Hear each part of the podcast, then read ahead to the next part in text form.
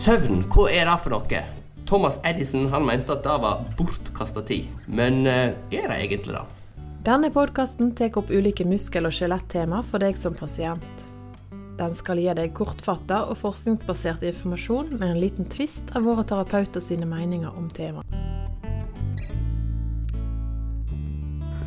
Velkommen til en ny episode av eh, Syriakspodden. Og i dag har vi et uh, voldsomt interessant tema, nemlig søvn. Sindre, har du sovet godt i natt? Ja, jeg eh, har eh, sovet relativt bra. Jeg eh, hadde en veldig travel dag i går, så det tok litt tid før jeg sovna. Du ser litt medtatt og sliten ut. Å ja. Ja, takk. Ja. du, du ser bra ut, du òg. Ja, takk skal du ha. Eh, men vi har tatt turen min til Haukeland eh, universitetssykehus for å hilse på deg, Bjørn Bjorvatn. Velkommen skal vi si velkommen til oss sjøl, kanskje? Jo, Du har det veldig mange roller. Fortell litt om, om din arbeidshverdag og dine jobber. Ja, altså jeg er professor på Universitetet i Bergen, eh, også leder en nasjonal kompetansetjeneste for søvnsykdommer, hvor vi nå er i dag. Eh, og eh, så jobber jeg klinisk på Bergens søvnsenter med pasienter som har søvn, ulike typer søvnproblemer. Strålende. Eh, har du tid til alt dette her? Nei, det er et godt spørsmål. Eh, det skulle gjerne hatt litt lengre dager enn 24 timer. Ja, for det er nemlig en liten sånn uh, tvist når det gjelder uh, temaet vi har i dag. her. For det, det fins jo ganske mange folk der ute som skulle gjerne hatt mer enn 24 timer i døgnet. Thomas Edison er jo kanskje en av dem. En annen er jo en kjent fyr er jo Elon Musk, som er kjent for å sove veldig lite. Margaret Thatcher sov veldig lite back in the days. Uh, er det fristende å rett og slett kutte ned på eh, denne bortkasta tiden som vi ligger og sover? Jeg er jo der vi får lov å arrestere deg, da, for det er jo ikke bortkastet. Det er jo det som er det viktige å få fram.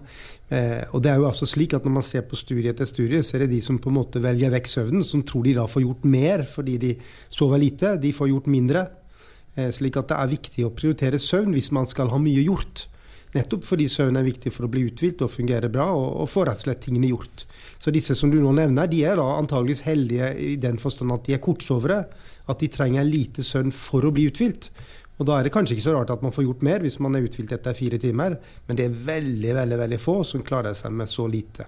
Man sier kanskje at 2-2,5% klarer seg med under seks timer. Så de aller, aller fleste av oss må jo ha mer enn seks timer for å fungere i det hele tatt. Hva vil da være den ideelle tiden?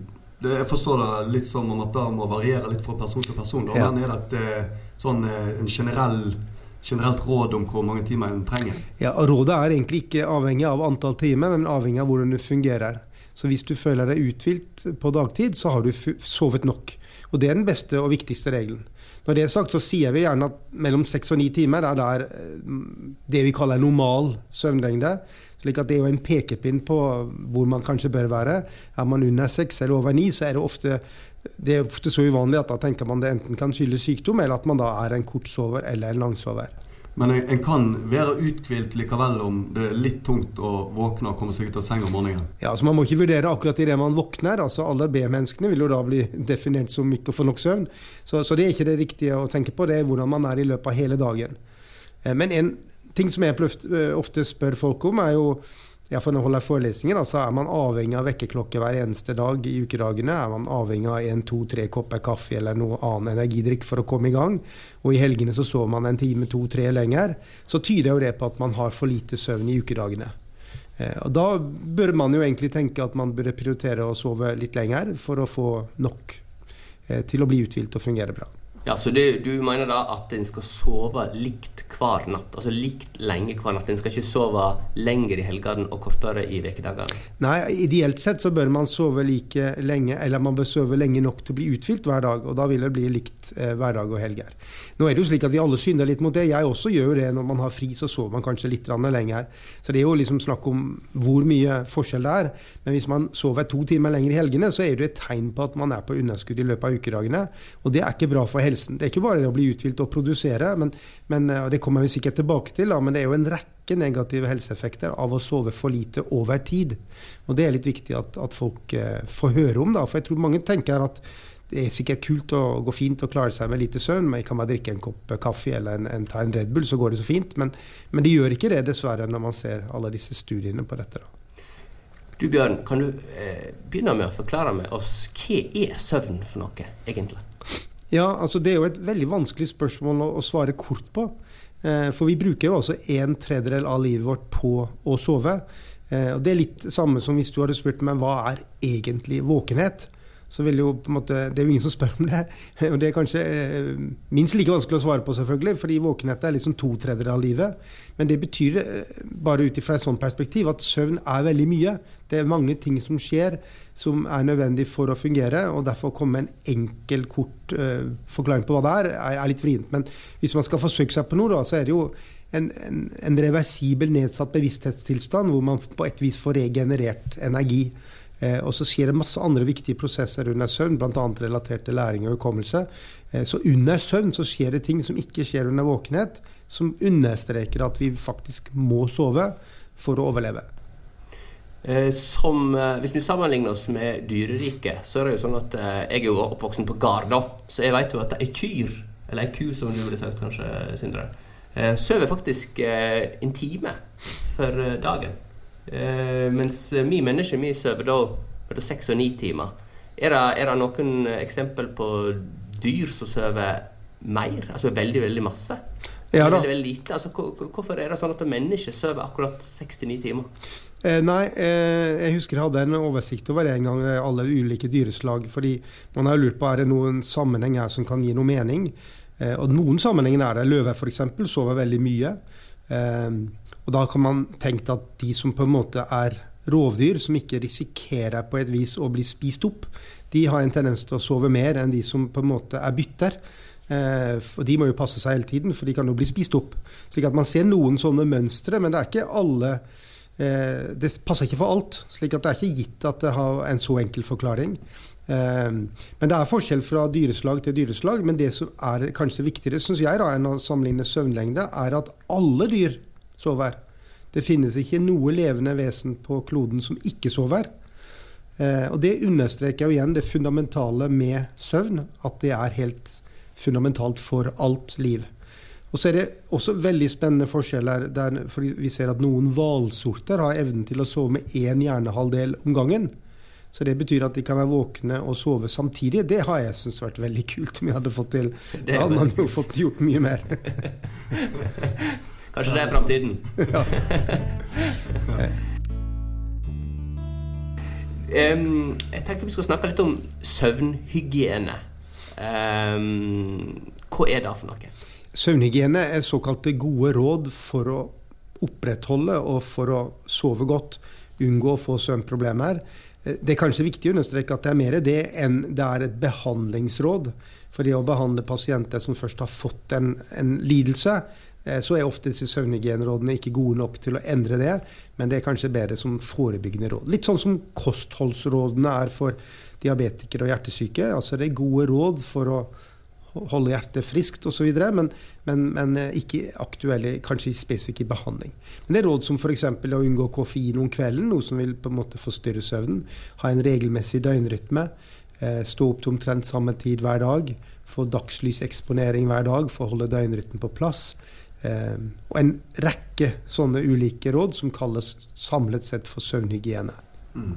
Men uh, går det òg litt på, på, hvordan omstendighetene er i rommet du sover? Tenker på det med lys og lyd og uh, temperatur. Uh, er det ting som det går an å gi noe råd for, eller er det litt individuelt òg? Ja, det hører gjerne til disse søvnhygienerådene at du skal sørge for ro og mørke på et soverom. Og det er klart det å sove i et lyst rom er vanskelig.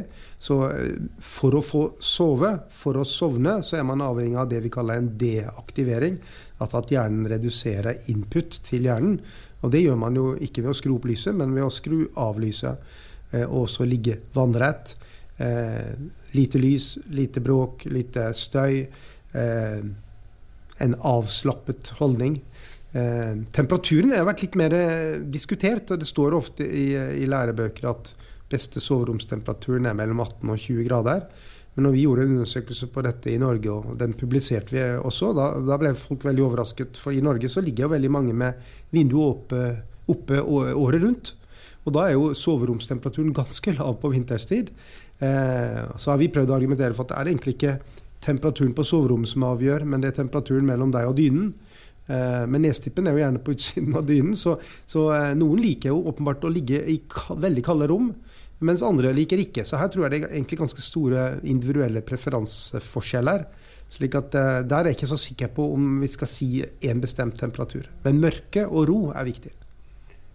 Så ei, ei, ei veldig tung eh, vinterdyne, den, den, kan faktisk nesten virke mot sin hensikt. At, blir, eh, at, det blir for varmt, rett og slett, mellom deg og dyna. Altså, det er jo derfor man skiller mellom vinter- og sommerdyne. En tung og veldig eh, tett dyne vil jo bli altfor varm om sommeren, hvor du da blir liggende og svette. Det er klart, Er man svett, så sover man ikke noe godt. Og hvis man fryser, så sover man ikke noe godt. Så like det er jo temperaturen mellom deg og dynen som er viktig for å unngå å bli aktivert av svette eller kulde. Når du sovner, så eh, har jo jeg et inntrykk av at en på en måte svetter litt umiddelbart når en sovner. Altså hvis en våkner etter en liten kort tid. Stemmer det? At, at du liksom først blir litt for varm, og så finner du på en måte en annen temperatur i løpet av natta? Eh, altså når man eh, er i sovende tilstand, så går temperaturen ned i kroppen. Eh, og en måte å, å, skille seg med den varmen på, er å svette på et vis. da.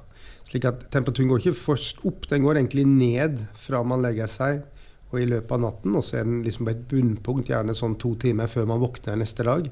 Så Det er det som kalles kroppstemperatur som sammenfaller med døgnrytmen vår slik at kroppstemperaturen går normalt sett ned under søvn. Ja, så, så den svetten det er da selvfølgelig bare biproduktet av at du prøver å få, eller kroppen prøver å få temperaturen ned? Ja, det er sånn jeg har tenkt rundt det. Nå er ikke jeg noen ekspert på akkurat det, men, men, det er sånn jeg har tenkt på det. Når kroppstemperaturen går ned, så kvitter kroppen seg med, med varme, varme, ved hjelp av svette. Så jeg tror det er så enkelt, ja. Men uh, Edgar han har jo alltid òg uh, sagt at uh, han helst skulle ha sovet alene i senga, og at han helst ikke liker at kona er der. da. Nei, men jeg liker å sove med deg, Sindre. Ja, ja, ja du, du sover alltid godt når vi er på. Men ikke så godt med kona. Nei. Jeg vet ikke. Det vet jeg ikke om jeg kan forklare. er det best å sove? Er det en uting å sove to i, i en dobbeltseng? Eh, nei, altså, men du er jo inne på flere viktige ting her. sant? Eh, eh når man ser på eh, forskning, så ser man ofte at folk sover godt når man er med en annen, nettopp fordi det kanskje inngir trygghet. Og det er jo på en måte noe som er viktig for søvn. Eh, men så er det jo noen som har en, eh, en samboer ektefelle som snorker som et uvær, og da er jo det åpenbart ikke så bra for søvnen. slik at dette kan slå veldig mange forskjellige veier. Eh, noen sover altså da bedre litt fordi det gir den tryggheten. De kan ligge litt bare inntil, kjenner at det er noen der, kjenner varmen. Og Hvis du tenker tilbake på når man var lite barn, så er det jo barnet som finner roen først når de blir liggende i, i tett kontakt med foreldrene. slik at det er åpenbart at nærhet er viktig for søvn. Eh, men det er jo det at man da, særlig hvis man har en, en samboer, ektefelle, som er veldig urolig, som hele tiden snur seg, så vil jo det kunne forstyrre søvnen til den som er gjerne litt var for bevegelse lyder. Slik at det kan slå alle veier, begge veier. Eh, jeg lurer litt på eh, dette her med søvnfaser. Det er jo snakk om Mange har jo kanskje en sånn pulsklokke som måler ulike faser av søvn om natta. Og Da kommer jo veldig ofte dette her med rem inn. Kan du forklare hva det er for noe? Ja, jeg vil bare understreke at disse klokkene du snakker om som viser disse fasene altså Jeg er jo relativt skeptisk til det. De kan ikke dokumentere det og vise at det er sånne stadier. De, de viser noe, men det er altså et surrogatmål. Husk at alle klokker sitter hvor henne? De sitter på håndleddet. Og håndleddet. da er det pulsen de måler. Og så måler de pulsen. Men vi er vel enige om at håndleddsbevegelser eller pulsen har jo egentlig ingenting med søvn å gjøre. Pulsen er jo hjerteslagene. Det er altså fra hjertet det genereres. Eh, bevegelsen på håndleddet er jo da en muskulær ting fra håndleddet sin side. Men søvn sitter jo verken i hjertet eller i håndleddet. Hvor sitter søvnen? Jo, den sitter jo inni hjernen. Så skal man på en måte måle søvnstadiet på en reliabel, altså på en ordentlig måte, så må man registrere noe av hjerneaktiviteten. Så jeg er liksom litt eh, fascinert over de som kommer med disse utskriftene fra polarklokker eller Fitbit-klokker og se her, jeg sover sånn og sånn. Men det er ikke til å stole på. Eh, man kan nok sammenligne fra natt til natt. Eh, rimelig bra. Og hvis man sover godt, så er klokkene rimelig korrekte. Men sover man dårlig, så blir de mer og mer ukorrekte. Så vi bruker de aldri i klinisk eh, virke, fordi de er ikke nøyaktige. Men det var nå en liten digresjon. Men når det gjelder søvnstadiet, så er jo det en veldig viktig bit. Og Det er altså hjernen som går inn i ulike søvnstadier i løpet av natten. Der vi har dyp søvn, lett søvn og, lett, og rem-søvn. Eh, og den dype søvnen, det er den man har tidligst på natten. Eh, og det er det som er den viktigste søvnen for å bli uthvilt neste dag. Rem-søvn har fått mye fokus, mye fordi at da er hjernen ganske våken, og det danner seg ofte bilder i form av drømmer. Så de fleste av drømmene våre, iallfall de mest rare, merkelige, bisarre drømmene, de er fra rem-søvnfasen. Men rem-søvn er altså ikke et dypt søvnstadie, det er et veldig lett søvnstadie, så bidrar ikke noe særlig til å bli uthvilt. Men det har spesifikke roller, rem-søvn også, men altså ikke det i å bli uthvilt. Så har vi mye rem-søvn på slutten av natten. Eh, og Det er derfor vi gjerne våkner ofte opp med, med, at vi husker en drøm. Det er fordi vi blir vekket opp fra rem-søvnfasen. Vil det si at uh, den viktige um, søvnen den skjer ganske tidlig på natta? Ja, altså den viktigste søvnen. Og all, på en måte Alle søvnstadene har sine spesifikke funksjoner. og Jeg kan godt gå inn på, på REM sin funksjon, men for å bli uthvilt så er det den dype søvnen, og den kommer da først. Også som et tegn på at det er den viktigste. Altså Det bygger seg opp et trykk for å få den type søvn mens man er våken. Og det er også slik at jo lenger vi er våken, jo dypere vil den påfølgende søvn bli. Fordi at det er det som på en måte blir et bygges opp et søvntrykk for å få. Er det derfor um, det kan være effektivt med en powernap, eller da å sove middag? Ja, En powernap er ofte så kortvarig at man ikke går inn i dyp søvn. Og Det er også noe av poenget med powernappingen, at man skal unngå å gå inn i dyp søvn. For hvis man går inn i dyp søvn, så blir man så groggy. Eh, altså Blir dere vekket fra dyp søvn, så er man langt vekke, og det tar tid før man er på plass. slik at det, det, er, det er noe annet med powernapping. Men det med dyp søvn kan også forklare at enkelte klarer seg med så lite søvn. Du startet å nevne Thatcher, Elon Musk eh, og flere andre som så veldig lite. De får jo all den dype søvnen i løpet av de første tre-fire timene av natten. slik at de har nok da klart seg godt fordi de iallfall får den viktigste søvnen. Eh, og Det er iallfall én måte å tenke på. Slik at det har vært mye verre å miste de første tre timene enn de siste tre timene. Og Det er jo sånn kroppen gjerne er laget. altså den, de, de, første timene er de mest verdifulle, slik at vi på en måte overlever. Eh, mens de siste timene er kanskje mer viktig for litt sånn høyere intellektuelle eh, funksjoner, sånn som kreativitet, problemløsing, emosjonell regulering. Så vi tenker rem-søvn har betydning for, for, de tingene. Altså spesifikk betydning for læring og hukommelse, for å bearbeide følelseslivet, for å bli kreativ. Man har det begrepet at man kan sove på noe, og neste dag så dukker løsningen opp av seg selv. Liksom. Det er typisk noe man tenker blir prosessert under rem-søvnen. Dyp søvn vil ikke ha noen rolle der, for da er man så langt skrudd av. Da er hjernen på en måte mest mulig i den restituerende eh, funksjonen. Med tanke på eh, småbarnsforeldre, eh, der tenker jeg eh, kanskje kan være en klassisk tabbe at begge to på en måte våkner når ungen skriker. Mm. Eh, hva råd pleier du å gi til småbarnsforeldre som sliter med nattevake? Ja, for Nå er du inne på noe som er problematisk, for de blir jo gjerne vekket også fra dyp søvn. Altså, så de ganske, kan få en ganske forstyrret søvn fordi da barna vekker de.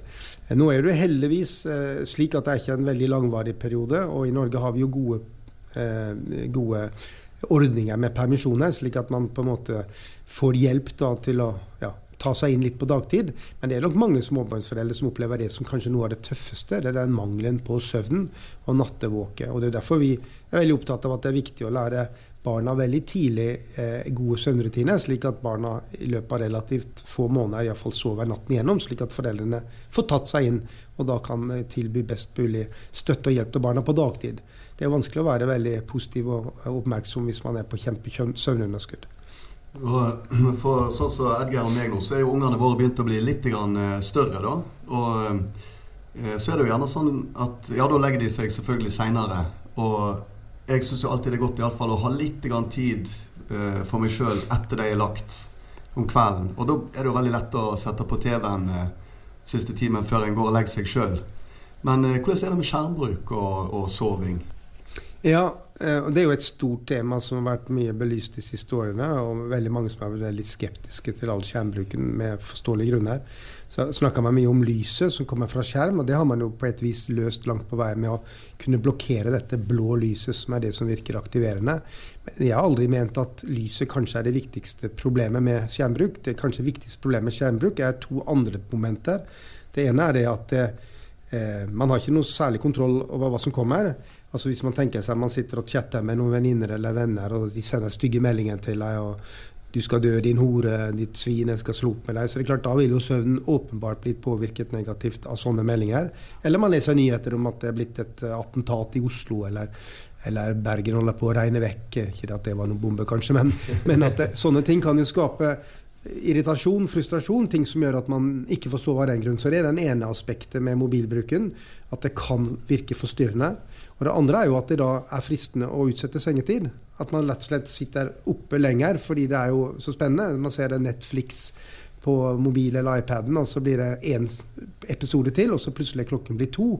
Og så vet man jo at man må opp til samme tid om morgenen neste dag, og da blir det for få timer. Så Det er kanskje de to viktigste aspektene med skjermbruk som vi prøver å advare mot.